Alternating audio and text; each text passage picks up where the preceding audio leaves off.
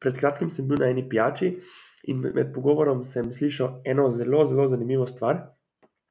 In takoj sem vedel, da bi rad o tem posnel eno epizodo.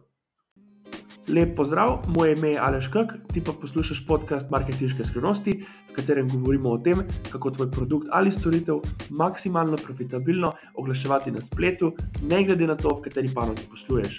Če ti bo vsebina všeč, te vabim, da se subskrbiš. Dobili smo se trije prijatelji na pijači. Um, ostala dva nista iz marketinške stroke, se ne spoznata na, na marketinške stvari, sta bolj kot ne uh, strojnika, programerja, niti ni važno.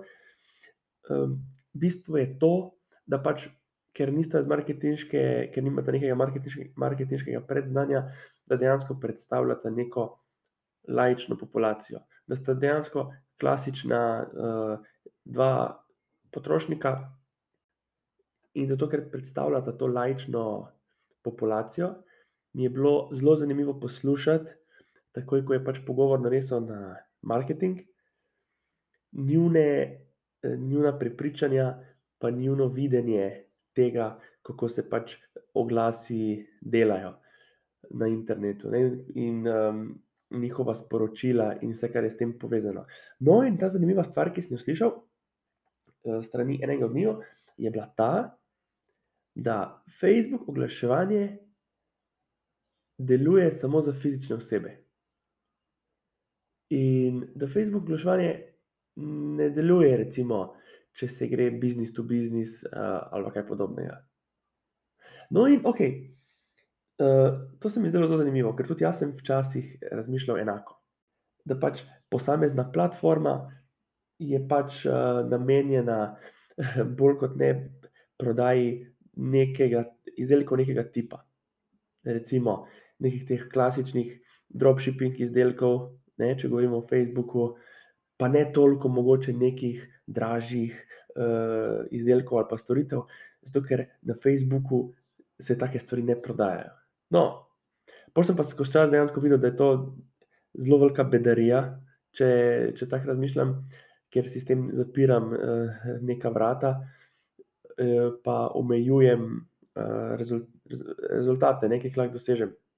Resnica je čisto drugačna. Ne?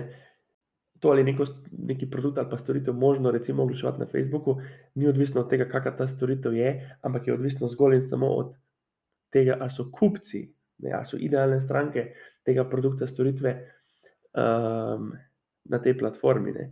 No, in Facebook ki ga uporablja ne vem koliko milijard ljudi, ali ena milijarda ali več, ne vem, uh, ljudi iz celega sveta, je zelo velika verjetnost, da bo Facebook, da Facebook bo primerna uh, platforma za oglaševanje tudi za B2B.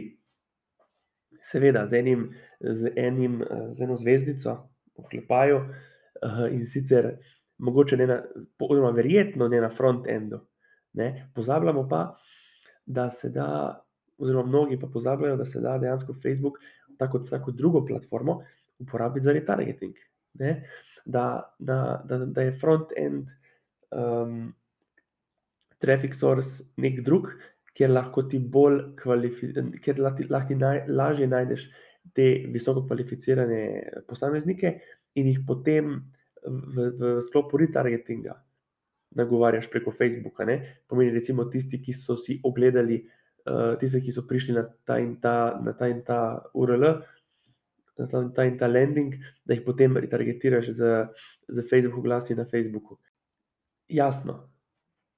Retargeting, kljub temu, da se nam, ki smo v marketingu že dlje časa, zdi tako osnovna, uh, osnovna zadeva, marsikomu pač ni.